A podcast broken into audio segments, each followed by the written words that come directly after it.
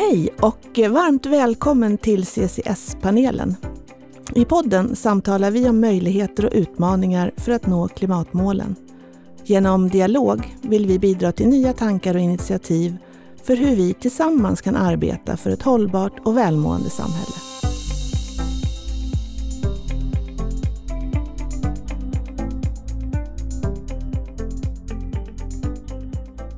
Jag heter Liselott Jernberg Beit och arbetar till vardags som kultur och hållbarhetschef på Granitor. CCS-panelen har haft lite olika teman tidigare. Vi har till exempel djupdykt i själva CCS-teknologin och eh, värdekedjan från koldioxidinfångning till slutförvar med Captimize. Vi har diskuterat hållbar finansiering med Danske Bank och eh, vi har pratat om hur man bygger hållbart i trä med Rickard Sjöqvist från Granito Properties. Och vi har också pratat beteendeförändringar med KG Hammar och mycket mer. Det är bara att botanisera bland alla spännande avsnitt. Det som har stannat kvar hos mig mer än något annat är den styrka och kraft som finns i personligt engagemang och det ingjuter hopp i mig. Ni vet, den där inre glöden hos individer som kan typ flytta berg. Det där som får saker att verkligen hända på riktigt. Nu så får jag möjlighet att prata med två personer som verkligen ger engagemanget ett ansikte. Anki Rimer från Nordic Earth och Hans von Essen från Beras International och utvecklare av kursen Diet for a Green Planet. Ni är så varmt välkomna hit. Tack. Tack så jättemycket. Anki, till vardags så vet jag att du arbetar i Sydafrika och vi är väldigt glada och tacksamma över att du har kunnat tagit dig hela vägen hit för att sitta i studion tillsammans med oss i Stockholm. Berätta helt kort om vem du är och vad Nordic Earth är för något. Mitt namn är Anki. Jag är född och uppvuxen i Hälsingland. Jag är bosatt i Sydafrika sedan 1998. I eh, Sydafrika så har vi svåra möjligheter att eh, ha odlingsbar mark, speciellt i Västra Kapprovinsen, där större delen av ytorna helt enkelt är sand. Vårt fokus på Nordic Earth är att eh, ha ett kretslopp helt enkelt, där vi också har stor eh, emfasi på att ta hand om det ekologiska avfallet och eh, kompostera och på så sätt få en levande jordmån där vi kan odla näringsrika grönsaker. Eh, det har varit ganska svårt under pandemin för många människor i Västra Kapprovinsen, där många har förlorat jobb och så vidare. Och eh, vi fokuserar helt enkelt på utbildning för att eh, speciellt ungdomar får de involverade och se hur man helt enkelt på enkla medel kan kompostera sitt eget avfall och sen odla fina grönsaker. Mm. Så himla spännande. Det ska bli så roligt att prata mer om det här. Hans, eh, du har också kommit in resande här till Stockholm idag, men från Södertälje. Berätta lite för oss vem du är och eh, vad Beras International är för någonting. Ja, eh, till utbildningen så är jag agronom, men jag har ju haft förmånen att jag har, har växt upp i stan, så att jag har gjort den där resan från staden ut till landsbygden och det har ju gett mig möjligheten att se saker från två olika riktningar. Och eh, nu bor vi på ett litet småbruk ute i, i skogen som är en slags experimentverkstad mm. för, för det här. Mm. Och eh, hur länge har ni bott där ute?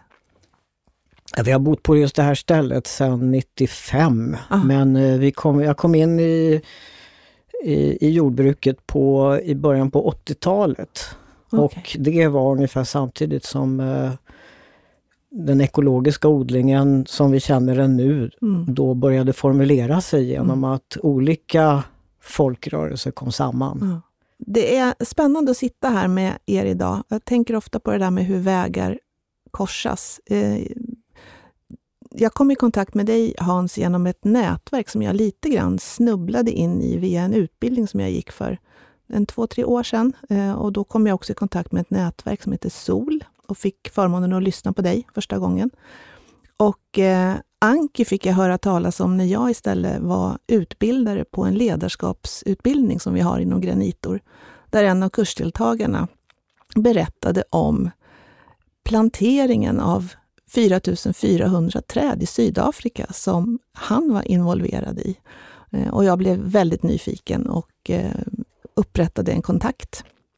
Man kan ju fundera på det där, vad, vad det är som... Vi, vi möter ju olika individer och vi möter olika situationer och de kan ju lätt bara liksom passera förbi. Eller så börjar man fundera på vad var, vad var anledningen till att just den här personen korsade min väg? Så. Eh, och jag hoppas att vi kan genom det här samtalet idag eh, göra avtryck som gör att andra människor börjar fundera på sin roll, eh, sin del i helheten och vilka vägar som kanske öppnas eller redan ligger öppna. Eh, nya vägar att beträda. Jag nämnde det här med, med 4400 träd, Anki. Det är någonting som, som vi också på Granitor har varit involverade i. Men berätta för oss utifrån det du tidigare berättade om den här dåliga jordmånen och eh, möjligheten att odla och 4400 träd. Hur hänger det här ihop? Ett jättespännande projekt som jag skulle kunna prata jättelänge om. Eh, det är alltså på två lokala skolor i vårt närområde där vi har våran gård. Då, för vi driver också ett, eh, ja, en kretsloppgård helt enkelt med fokus på kompostering och sen olika odlingssätt helt enkelt. Vi involverade, involverade de här två skolorna ehm, på grund av eh, hur situationen ser ut i Västra Kapprovinsen. Allting är väldigt torrt, det finns väldigt få grönområden och eh, späckbom som är en eh, en sydafrikansk eh, planta eller träd som är ganska långsamt växande men har väldigt bra kvaliteter för hela näromgivningen. Det här projektet gick då igång och eh, vi involverade mm, de här studenterna eller eleverna från de här två skolorna som eh, deras ålder ligger på mellan 16 och 18 år. Eh, projektet har många olika bra egenskaper. Först och främst måste jag ju nämna att eh, 50 ton av eh, ekologiskt avfall då, som egentligen skulle ha gått till soptippen i Sydafrika, har vi då komposterat för att göra den här jordmånen som träden ska planteras i. Sen har vi då involverat eleverna för att få en kontakt med naturen. En del av projektet kallar vi för Bringing Nature Back to Schools. Och det är två olika områden också med, med elever från olika bakgrunder och eh, svåra situationer i Sydafrika. Så det här har gett dem också hopp på ett helt annat sätt. Att få vara tillsammans utomhus genom eh, pandemin så har det ju varit så att vi inte varit tillsammans så mycket och gjort eh, gruppaktiviteter. Så det här projektet har, har verkligen eh, engagerat många elever och eh, vi är oerhört glada för stödet som vi har fått från, från Granito på det här projektet. Mm. Häftigt. Och utbildning, Hans, det vet jag ju att du brinner också för. Nu är inte det det är inte utbildning direkt i skolor, utan det är en helt annan typ av utbildning. Kan inte du berätta lite om den? Ja, vi startade den här utbildningen för sex år sedan på Stensunds folkhögskola och det vi såg saknades var en utbildning som var direkt praktisk och riktade sig just till eh, människor som arbetar direkt med matsystemet. Därför att eh, matsystemet, alltså då som kock som kökschef eller kostchef i en kommun. För matsystemet är ju så otroligt betydelsefullt eh, och vi ser inte det riktigt. Eh, man hör ofta siffran att maten står för en tredjedel eller en fjärdedel av klimatpåverkan och redan det är ju ganska mycket. Mm. Men om vi då lägger till hela infrastrukturen och transporter som sker fram och tillbaka av råvaror som ska bli mat och förpackningar och hela förpackningsindustrin och ändring i eh, markpåverkan, då är det hälften. Mm. Enligt en räkning som eh, FN gjorde för ett tiotal år sedan. Så det är väldigt stort. Mm. Och dessutom så är det kan man säga lågt hängande frukter där för att det är relativt enkelt att förändra det och faktiskt vända det till positivt. Eh, så det är ju en väldigt stor grej att vi inte ser det mer och inte lägger mer kraft just på matsystemet. Så vi riktade in oss på just de som lagar mat och sköter den maten i kommunen, för där ser vi en, en strategisk ingång som är viktig. Mm. För där kan man åstadkomma väldigt mycket. Det, det så når man ju faktiskt till den unga generationen del, den vägen och dels är det ganska mycket mat som man kan påverka. Mm. Eh, så därför startade vi den utbildningen och eh, den, den gruppen i samhället lider ju dels av att eh, den har relativt låg status. Så den är inte van att arbeta strategiskt. Och dessutom har de svårt att få gehör mm. utan det är väldigt mycket uppifrån styrt. så man den typiska strategin har ju varit att man försöker få ner priserna genom att samordna många kommuner så man får stor inköpskraft och kan köpa så billigt som möjligt. Och det leder ju till att man köper från monokulturer. Mm. Vilket är en stor del av problemet. Mm. Och förklara monokultur. Alltså monokultur är ju att man eh, odlar en och samma gröda på stora områden och det där har, har en tendens att bli väldigt, väldigt stort därför att där ligger ju rationaliseringsvinster, mm. man kan göra stora investeringar och mekanisera väldigt starkt men det är ju till priset av att man kapar hela den biologiska mångfalden. Mm. Och eh, Dessutom kan man få problem med att man behöver bekämpa för att bli av med skadegörare och då använder man bekämpningsmedel som tar ta bort ännu mer av den biologiska mångfalden. Så det där är ett jätteproblem. Mm.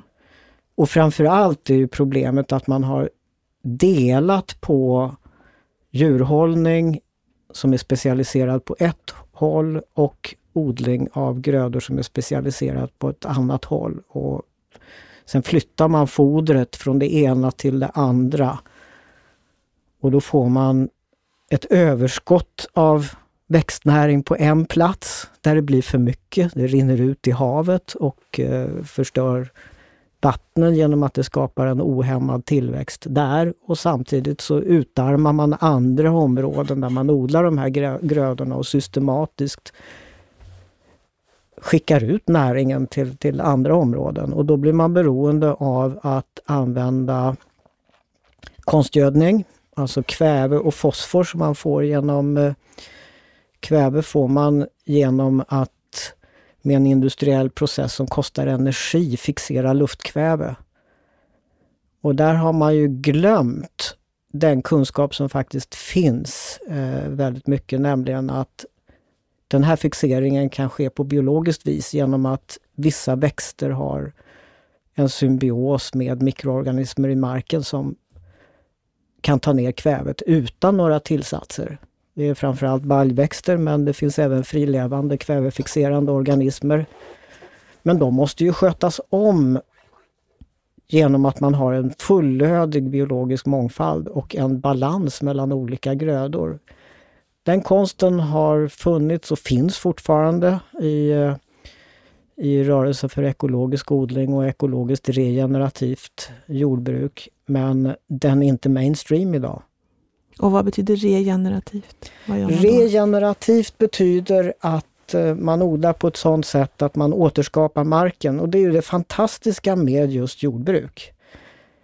Eh, ingen annan industri kan det egentligen, att eh, den enda råvaran är luft, vatten, solljus och man kan lösgöra lite grann av mineraler från själva marken genom Ja, det är också mikroorganismer, mykorrhiza, mm. som eh, i, i ett symbiosförhållande kan lösgöra fosfor och andra mineraler från marken. Alltså, råvaran är helt och hållet i ett kretslopp.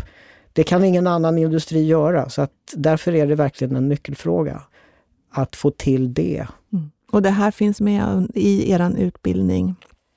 Så lär man sig det här? Ja, det vi gör i utbildningen är ju att för det första så behöver man förstå helheten och vad man egentligen vill. Eh, vad det är man vill göra. För att eh, det är ju så lätt när man håller på med mat att man fastnar i den ena eller andra trenden. Det ska vara det eller det ska vara det.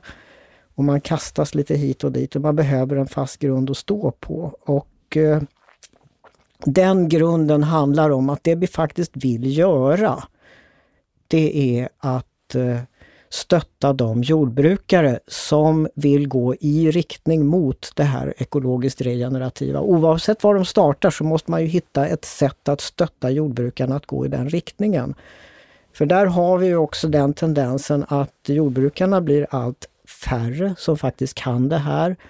Och hela branschen har varit trängd av att eh, andra branscher lite plockar russinen ur, ur kakan och eh, jordbrukarna får syssla med att eh, odla råvaror till industrin. Anonyma råvaror till industrin som blir hårt prispressade och då hamnar man i det här. Mm. Och då gäller det att kunna ta sig ur det och eh, det kan man ju göra om man kan erbjudas ett bättre pris. Mm. För att man gör någonting som är bättre än det man gör nu. Du målar ju en bild som är full av möjligheter men också full av utmaningar. Och jag tänker Anki, vad, vad tänker du när du lyssnar på Hans? För att ni står också inför möjligheter men med helt andra utmaningar. Mm. Ja, tanken för mig är ju att situationen i, i Sydafrika är på många sätt eh, lika som, som i Sverige och med utbildningen som Hans nämner. Men vi står ju inför lite andra problem som eh, just nu är väldigt påtryckande. Där vi har en, eh, en stor del av befolkningen som är arbetslösa. Vi sitter på 75 procent av ungdomar från 19 till 25 år som är arbetslösa, som inte har en chans att komma ut i arbetslivet. Och det här då betyder att man inte har en inkomst. Man kan helt enkelt inte köpa mat och få, få mat på bordet varje dag. Och för oss är det här ett stort problem, där vi har 27 procent av barnen i Sydafrika som, som inte får tillräckligt mycket med näring och inte kan utveckla kapaciteten i hjärnan för att ta in information under skoldagen till exempel.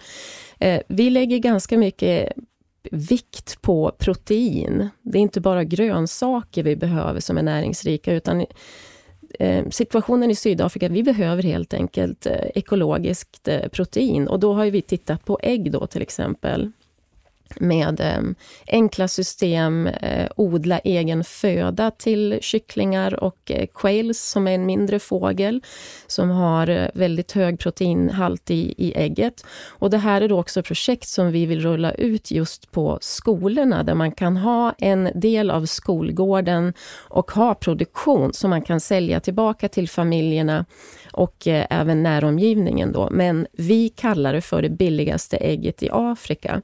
Så det här, våran tanke är att vi ska kunna sälja då sex ekologiska ägg för fem rand. Om man då kan på små medel odla den eh, födan då till, till eh, hönsen eller till eh, de här små fåglarna. Köper man in födan till kycklingarna så blir det här mycket dyrare procession och då blir ju inte heller ägget ett ekologiskt ägg, för vi har inte de eh, möjligheterna i Sydafrika. Så för oss så är ju den tryckande situationen just nu, hur får vi mat på borden? Och här börjar det ju med jordmån. Eh, en näringsrik jordmån så vi kan odla eh, mikrogrönsaker, eh, ha grönsaksboxar utanför hemmet med egen kompostering så vi får det här kretsloppet och eh, kan få näringsrik eh, mat på bordet. Och det här börjar med utbildning och därför satsar vi på ungdomar. Inför det här programmet när vi pratar så har du pratat också om hur man i Sydafrika just nu tar hand om sina sopor och hur ni kan gå in där och göra en skillnad. Ja, en, eh, ett av det stora problemet som också är den största möjligheten, vi får väl se det negativa och det positiva, det är just då eh, matavfallen och eh, det som vi inte återanvänder. Allt åker alltså till soptippen. Tidigare hade vi stora hål där vi grävde ner allting, men nu har det alltså blivit stora berg. Och många av de här soptipparna kommer alltså att stängas inom de närmsta tio åren. Västra Kapprovinsen har då eh, kommit upp med en lösning där man eh, ska då ta bort det ekologiska avfallet från soptipparna. Så 50 procent i år ska då, det ska lösas på ett annat sätt. Och här kommer då in vad, vi, vad, kan vi göra själv som hushåll? Här, hur kan vi hjälpa till? Och det är ju då med enkla medel kompostera. Om man vill inte kompostera så kan man ju använda komposteringsmaskar som är ett väldigt effektivt sätt då att att eh, ta vara på matrester som kommer då från, från hushållet. Och sen i slutändan så får man den här väldigt fina, eh, vi kallar det för vermicast eller vermicompost, som man då kan blanda in i den dåliga jordmånen som man har som inte är näringsrik. Eh, och då kan man ju odla själv på många enkla sätt. Mm. Häftigt. Och du nämnde också att om man om man bara kör iväg allting till soptippen så tar det närmare 27 år, tror jag du sa, innan det här? Eftersom det inte sorteras då, um, utan man slänger allting i, i, samma, ja, i samma soppåse, så att säga, så är det ju plast, mm. matavfall, allting är blandat och det tar alltså 27 år att brytas ner på en, på en soptipp. Och då är det ju ja, skadliga gaser mm. som, som skapas i den här processen. Eh, det vi går ut är också att vi går till företag, till restauranger, till hotell. Jag har varit involverad i turistindustrin under många, många år och såg ju problemen som vi skapar via turismen och hur man, på, hur man kan lösa det är ju att sortera på plats. Sverige ligger ju mycket, mycket längre fram i den här processen än vad Sydafrika gör. Men vi försöker alltså inspirera företag, restauranger och även kontorsenheter. Hur kan man tänka mer effektivt och miljövänligt på sitt generella avfall? Och att börja sortera vid källan är det som är A och O och då kan man ta hand om det som är komposterbart ganska snabbt. Mm. Och hur snabbt tar de här maskarna hand om avfallet? De kan ju äta sin egen vikt så att säga under 24 timmar. Så eh, det många börjar fel med komposteringsmaskar är att man har alldeles för lite eh, i vikt så att säga av maskar. Man börjar kanske med ett halvt kilo och eh, då kan man bara mata de här maskarna med ett halvt kilo avfall så att säga. Eh, och då slänger man på ganska för mycket i början och eh, så får man kanske lite dofter och lite flugor och så vidare som attraheras till de här maskarna. Men nu kan man ju göra väldigt enkla eh, lådor där man kan kompostera. Och maskarna bryter alltså ner tillsammans med mikrober och bakterier då, bryter ner det här matavresterna väldigt snabbt. 24 timmar så har det ju försvunnit. Och så mycket avfall eh, när det gäller mat ska man inte ha i ett hushåll heller, för då har man ju då har man ju handlat helt fel och man har tillagat maten på helt fel sätt. Så att alla hushåll ska egentligen, tycker jag, ha komposteringsmaskar. Mm. Ja, spännande.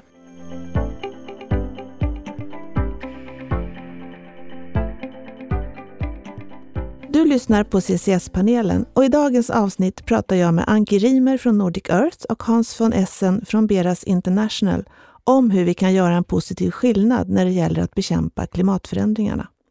Vi pratar om utbildning och om hur ökad kunskap om hur det som är gemensamt för oss alla, nämligen maten, kan bidra till att klimatavtrycken minskar. Hans, när vi satt och förberedde det här så pratade du om areal. Det tycker jag var spännande. Kan inte du berätta lite mer om hur det där fungerar och eh, hur många areal vi har per person? Ja, det där är en huvudingång för att förstå hela problematiken lite, lite globalt. För att det är som sagt otroligt komplext och det ser olika ut på varje plats. Det är väldigt roligt att höra om Sydafrika för det är så annorlunda än här och det är just vad det handlar om. Att det gäller att göra den grundläggande analysen. Men om jag lyfter blicken så har vi ett jordklot och ytorna på jordklotet ökar inte. Det är ju liksom en grundfakta som man kan utgå ifrån. Men däremot så kan ju människornas antal och våra vanor, de kan vi ju ändra. Det som är det grundläggande här är, och som man kan börja med att förstå helheten, är att den här lilla åkerarealen som är ungefär 10% av landmassan, den producerar någonstans kring 90-95 av allt vi äter. Man tror kanske att fisk kommer från havet men det är faktiskt eh, den vi äter så är det ganska mycket foder som är odlat på land och eh, man tror kanske att eh, eh sådana här innovativa nya lösningar, ja de bygger ju faktiskt också på grödor som odlas på land väldigt ofta. Så det där kommer man inte ifrån med väldigt mycket av det som det pratas om, utan landmassan är viktig. Och då blir det när man räknar 1,4 eller 1,5 miljoner hektar åkermark och vi är 7,8 miljarder människor på jordklotet idag och det där innebär att vi har i genomsnitt 1800 kvadratmeter var. När vi började arbeta med det här då var vi 7 miljarder.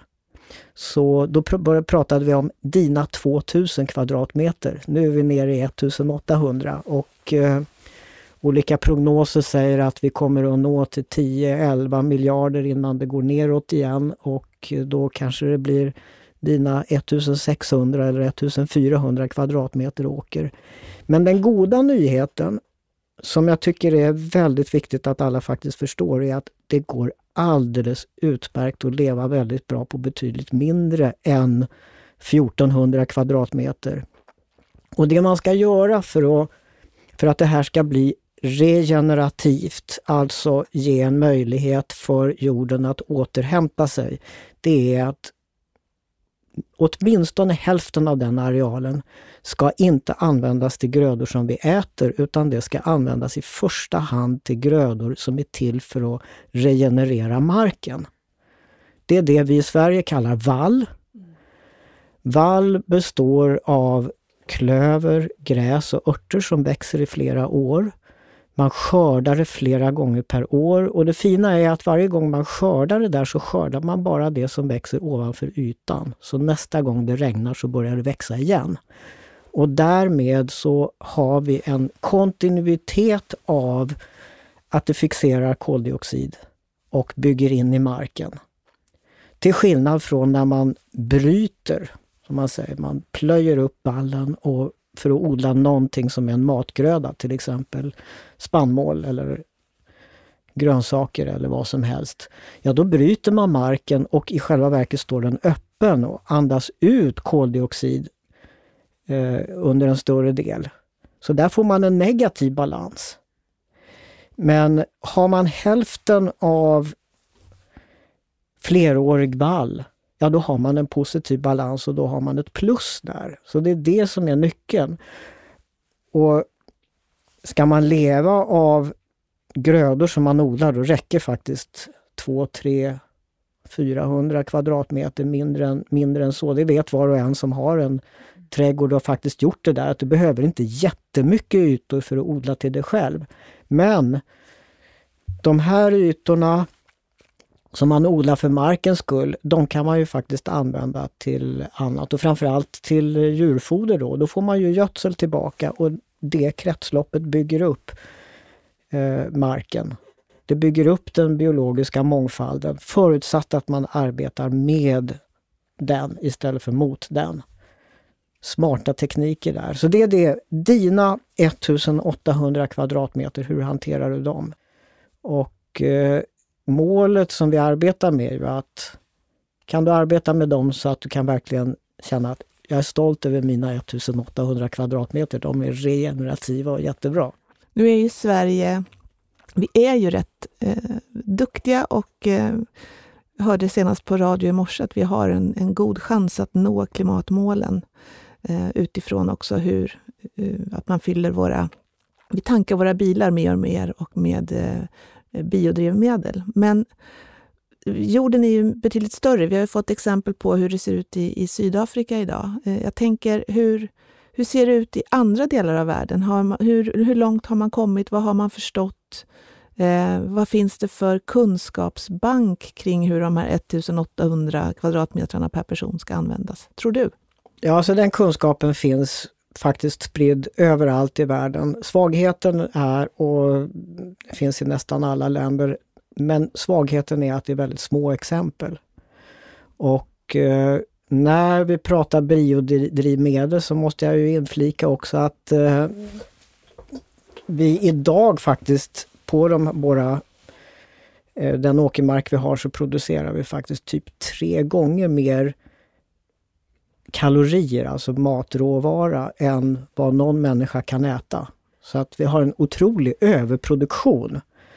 Så här finns en jättestor missuppfattning att det skulle behöva odlas mer mat. Alltså i sig är inte det problemet utan problemet är distributionen och att de som eh, inte har pengar och inte har resurser, de kan inte köpa den här maten och då spelar det nästan ingen roll hur billig den blir för de kan inte köpa den ändå. Mm. Så vi behöver tänka annorlunda där. Men grundkunskapen finns men utmaningen är att skala upp den mm. och få det här att fungera i större och större system. Eh, vad tänker du Anki när du, när du liksom lyssnar på det som Hans berättar? För mig så, vi, vi har ju lite olika fokus. Vi, har ju, vi fokuserar på urbana områden, det är alltså uppbyggda områden. Vi ser ju inte arealerna på samma sätt och, och i Sydafrika så, så flyttar befolkningen, det ökar ju varje år in mot eh, större städer på grund av, eh, man tror att det finns mer arbetsmöjligheter, eh, bättre utbildning och så vidare. Medan man egentligen har förutsättningarna där man kommer ifrån. De flesta har ju, eh, kommer från landsbygden och har möjligheter att, att odla egen mat. Det är ju så man överlever.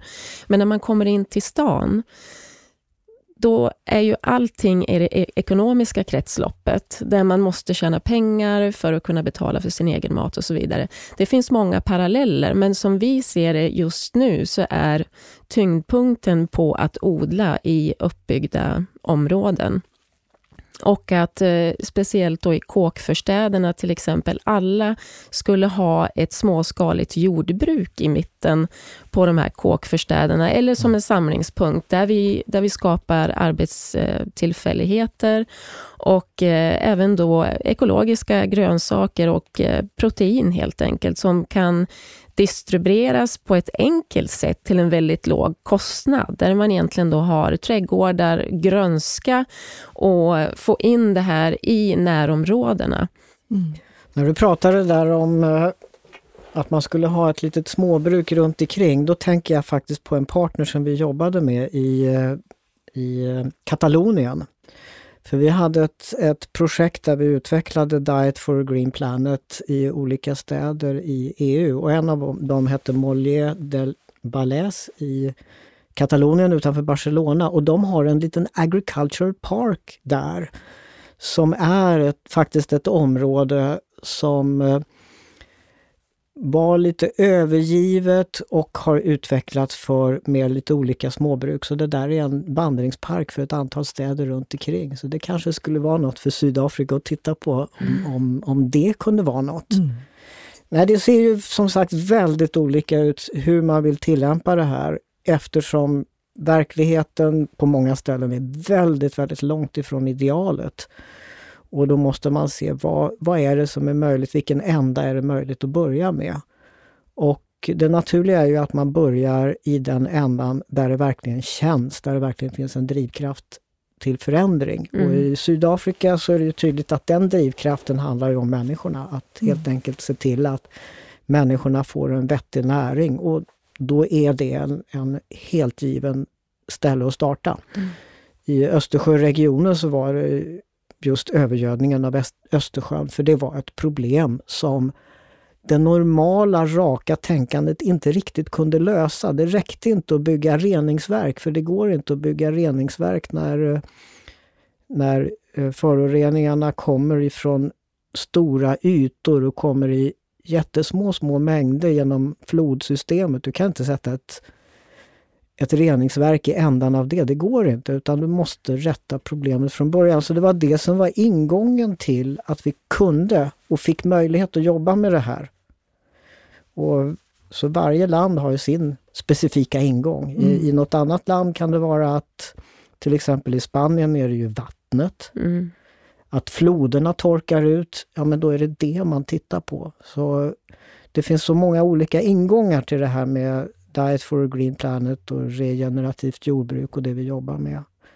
Och de ser så olika ut. Men, så det är verkligen en utmaning att hitta det gemensamma. Mm. Men det är där jag tror det här med arealerna är, är ett, en, en väldigt fin ingång, det som kallas ekologiska fotspår. Och vi har ju alla de här, fast vi är inte medvetna om det. Alltså tittar vi på om vi tar den mat vi köper i affären och försöker ta reda på var den kommer ifrån och vilka ytor som finns där, så ganska ofta så stöter vi på företagshemligheter som vi kommer faktiskt inte vidare och det är den första frågan. Alltså är det, trans är det här överhuvudtaget transparent? Går mm. det att ta reda på? Mm. Och går det inte att ta reda på, då blir man ju lite misstänksam och Eh, då kanske man funderar över, finns det någon annan mm. som man faktiskt kan ta reda på? Och när man kan ta reda på det så, ja men då är man ju redan på vägen mot att hitta bättre ingångar. Mm.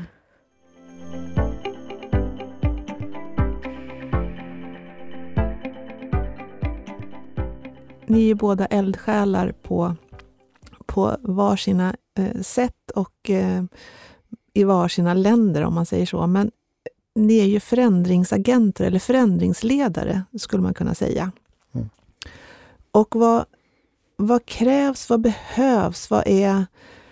Finns det några såna generella tips som ni kan ge andra människor? Du pratade om det här med det som egentligen behöver till, det är ju beteendeförändringar. Och det vet vi alla. Det kan ju vara svårt bara att gå till sig själv och bestämma sig för att man ska bryta en vana. Mm. Men finns det några tips som du Hans kan dela med dig av om man nu ändå har någonting, du brinner för någonting och du vill driva någonting. Vad är viktigt att tänka på? Alltså det första tipset är ju att eh, man måste veta vad det är som driver en själv.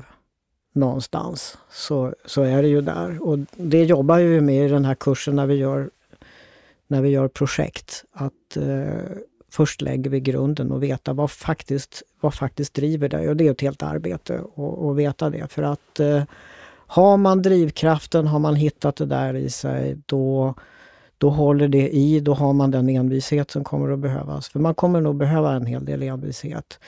Sen behöver man tålamod. För att sån här förändring tar tid. Det tar mycket tid och man måste veta att man arbetar med tiden. Och Det fina med maten är att det finns en del enkla ingångar och eh, det första om man befinner sig lite var som helst i världen skulle jag säga det är att ta reda på vad som redan finns. För det finns ju ekologiska odlingar egentligen i, i, överallt i alla länder.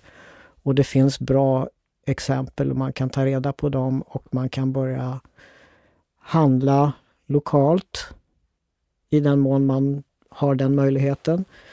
Och man kan börja samarbeta med dem och börja bygga de nätverken. Det vi har gjort i Beras är ju ett uppbyggande av nätverk, kan man säga. Eh, för jag har, jag har satsat på att bygga upp det här lokalt i Södertälje och i, i Sverige för att när vi tidigare arbetade internationellt så märkte vi att den, den lokala förankringen var inte tillräckligt stark. Så det är viktigt att, för att komma vidare. Men nu tycker vi att vi har kommit så pass långt. Eh, Kostenheten i Södertälje gör ett fantastiskt arbete. Har lyckats att eh, komma till eh, mer än 60% ekologiskt utan att få mer budget till maten bara genom att man minskar spill, arbetar med råvaror istället för halvfabrikat att man anpassar sig till säsongen och inte minst med att man har rekryterat skickliga kockar till, till maten och vänt upp på hela systemet så att man faktiskt eh, varje skola gör sina egna menyer och maträtter och öppnar för den kreativiteten. Istället för det här konceptet att man ska framförallt använda sin köpkraft för att pressa ner priserna. Det är ju det. Mm. Men med den styrkan så har vi nu kunnat bygga internationella nätverk. Så att eh, vi har tillsammans med IFOAM, som är International Federation of Organic Agriculture Movement. Det är den ekologiska rörelsens eh, globala organisation. Och ett forskarnätverk som heter Food Quality and Health. Och det är också forskare över hela världen som samlar de bästa forskarna i det området. Tillsammans med de organisationerna har vi byggt upp Organic Food System Program som är ett eh, initiat, ett core initiative inom FNs globala mål. Och genom de här så har vi då kommit i kontakt med eh, rörelser över hela världen och kunnat bygga det nätverk som nu finns som heter Global Alliance of Organic Districts. Som arbetar på lite större nivå kan man säga, att försöka skala upp de här väldigt små mikroskala bra exemplen till regionnivå, alltså kommun, län och lite större. Så det håller på att växa ihop och det är ju jättespännande att se när man, de här nätverken verkligen kan börja utnyttja varandra och, eh, och skapa den, ja, den, den kritiska massa som behövs för att det ska börja hända lite, lite större saker. Mm. Jag tänkte på det, du pratade om, om tålamod. Det känns som att man behöver ett visst mått av tillit också till att eh, saker och ting sker. När rätt personer möts mm. så uppstår någonting som driver processen framåt. Ja, precis. Jo, men det ligger absolut någonting i det också. Verkligen. Mm. Det är en, en tillit som man faktiskt skaffar sig, skulle jag säga, genom just den här kontakten med de ekologiska kretsloppsjordbrukarna, alltså de som tillämpar det här. Det brukar hända då, mm. när man kommer i lite djupare kontakt och dialog med de människorna på gårdarna, då märker man att här finns någonting att verkligen sträva efter. Så att det väcker ett, en initiativförmåga att se den här visionen. Mm. Tänker Anki, det, Hans navigerar ju ändå i en hyfsat välkänd miljö. Jag vet att du har bott i Sydafrika länge, men som förändringsledare i en helt annan kultur med helt egentligen andra också politiska förutsättningar mm. än vad vi har i Sverige. Kan du dela med dig av någonting som Ja, först och främst så, så för mig och eh, det, det vi jobbar med är ju att först och främst inse att hållbarhet egentligen är ju olagligt. För det, på, på ett uh, urbant område i, i en stadsdel så finns det så många restriktioner uh, när det gäller att vara självförsörjande. Eh, så det, det, först, det är det första motståndet, eller egentligen en realisation att så här är situationen. Och då måste man vara ganska kreativ, hitta lösningar, inte se problemen. Men även då, ehm, ju mer vi pratar om det, det blir lite grann som gospel, att det här lever vi efter och eh, smitta av med andra, hitta nya lösningar, nya samarbetspartners och så vidare. Så det gäller ju att hålla ångan uppe uppe, vilket är, vilket är svårt ibland när man eh, går emot en vägg många, många gånger, så får man ju försöka då hitta andra nya möjligheter. Eh, för mig har jag kommit till, till den eh, gränsen egentligen, där jag nästan bott eh, längre i Sydafrika än i Sverige. Och när jag bodde i Sverige, jag, jag växte ju upp på landet, så det var ju naturligt eh, för mig att man komposterade, man plockade bär i skogen, det var jaktlag. Man hade ju lite så delad, eh, delat jordbruk egentligen. Alla grannar hjälpte till och satte potatis. Och sen, så det var ett samspel som var på ett helt annat sätt. Förutsättningarna är ju lite annan i, i, i Sydafrika och eh, där man får tänka på kanske lite andra saker som händer i, i vardagen. Där man inte kan vara ute på samma sätt och ha samma frihet som man fortfarande har i Sverige. Så det finns mycket annat att tänka på. Ehm, eh, som ja, jag som har, jag har fyra barn eh, som är alla eh, födda och uppvuxna i Sydafrika. Man får ett lite annat perspektiv. Men som svensk då så känner jag att jag har ju någonting med mig från Sverige som, som inte sydafrikaner kan förstå. Och det är väl också ett självförtroende som, som kommer från min uppväxt, att jag växte upp på det sättet. Och den, eh, ja, den inverkan har jag på, på ungdomar och speciellt eh, på unga tjejer som kan också få en förebild, vilket är jätteviktigt eh, för mig i ett mansdominerat område som egentligen jordbruk är. Även om det småskaliga jordbruket på många andra ställen i Afrika är dominerat bland kvinnor. Men i, i Sydafrika så är inte fallet så.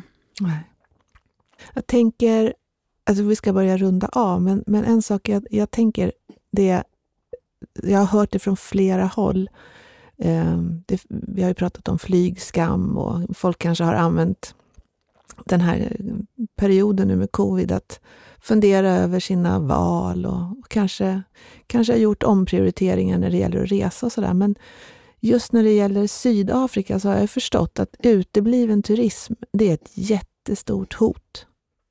Ja, det är katastrofalt. Ja. Eh, speciellt eh, Västra Kapprovinsen, som det är den största delen av inkomsten kommer ju då från turister. Det, det, är allt från, från hotell till eh, små restauranger, till turistguiden som du ser. Eh, killen som står vid restaurangen och gör eh, arts and craft och säljer till turisterna. Det här har ju helt dött ut. Mm. Och eftersom jag har varit inblandad i, i turistindustrin under många, många år i Sydafrika så ser vi ju hur arbetstillfällena och den ekonomin har ju helt gått, gått mm. ner och därav skapat arbetslöshet och en ond cirkel helt enkelt. Mm. Och då har du möjligheten här nu då att till de som lyssnar på den här podden mm. göra lite marknadsföring eller tipsa om varför man ska åka till Sydafrika.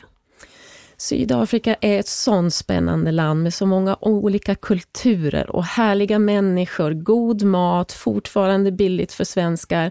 Och i och med att man inte väljer att åka till Sydafrika så har ju det här en, en, eh, ja, en rippeleffekt helt enkelt. Man brukar säga att för varje turist som kommer till Sydafrika så skapas två arbetstillfällen.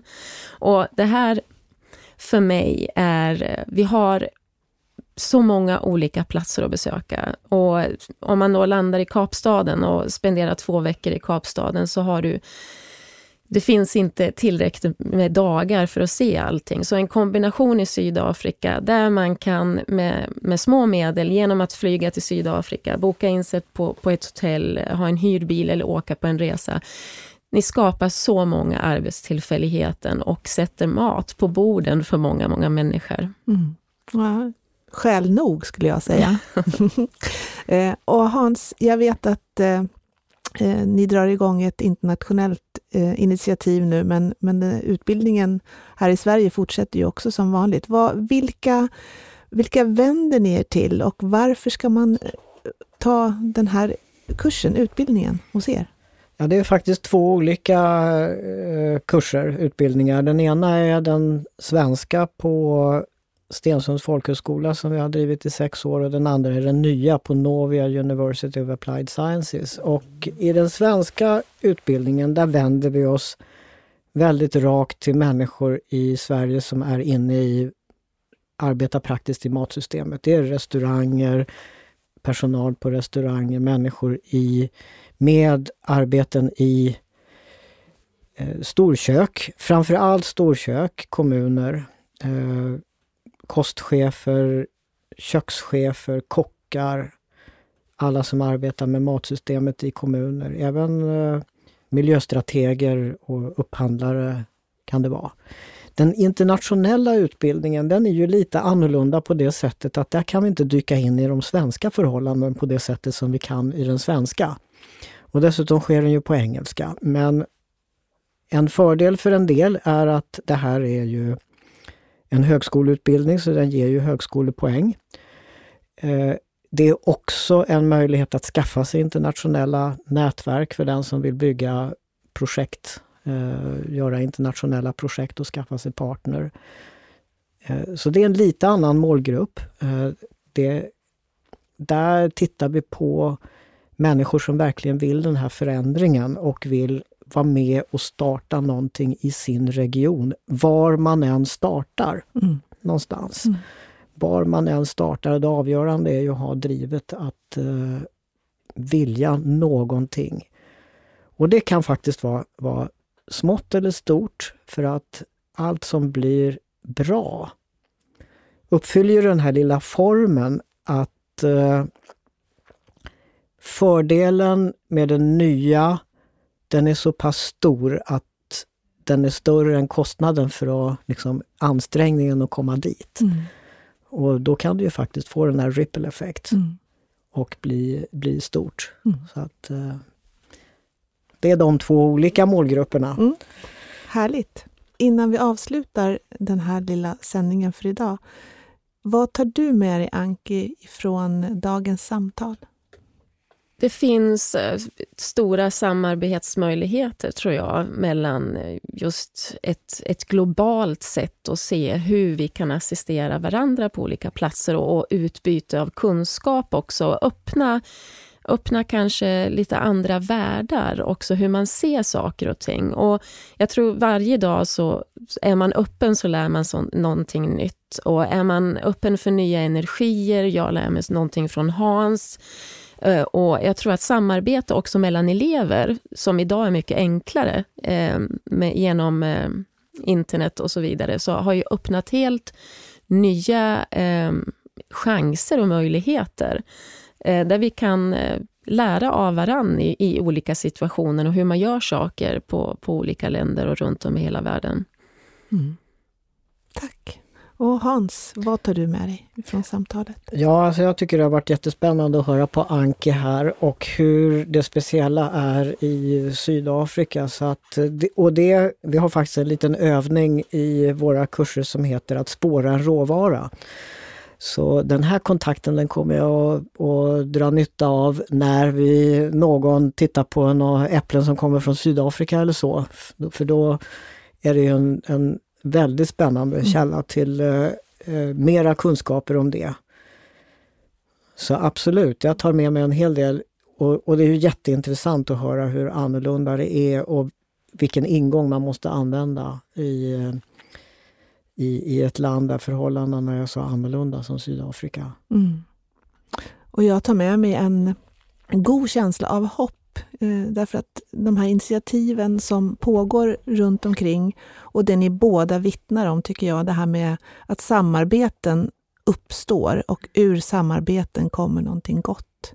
Eh, det tycker jag eh, det blir min, min starka reflektion som jag tar med mig. Och sen tänker jag bara, Anke, det kanske sitter någon där nu som lyssnar och som vill dra igång en egen kompostering, var får man tag i de här komposteringsmaskarna någonstans? Då får man kontakta mig ah, okay. så ser jag till att se det närmsta stället ni kan få tag på dem. Ah. Så eh, det får vi göra lite, lite efterforskningar om mm. i Sverige, för klimatet är ju lite annorlunda också. Eh, så att man har väl inte samma förutsättningar att ha... Ja, stor, vi, har, vi sitter på ett ton komposteringsmaskar, så vi har ju eh, tillräckligt så att vi kan, vi kan sälja och eh, fortfarande ha produktionen igång. Mm. Så att eh, jag tar jättegärna kontakt, ta mm. kontakt med mig, så mm. ser vi hur vi kan lösa. Mm. Stort tack för att ni ville hänga här med mig idag. Tack Anki. Tack så mycket. Och tack Hans. Eh, och tack till dig som har lyssnat. Eh, om du gillar det du har hört så får du jättegärna ta kontakt med mig på LinkedIn. Eller så mejlar du på liselotte.jbeit.granitor.se. Och eh, jag tror att du också lätt kan hitta både Hans von Essen och Anki Rimer på LinkedIn om du vill skapa kontakt för kanske fortsatt samarbete. Tills vi hörs igen, ha det så fint allihopa och eh, vi säger helt enkelt tillsammans hej då! Hej då! Hej då!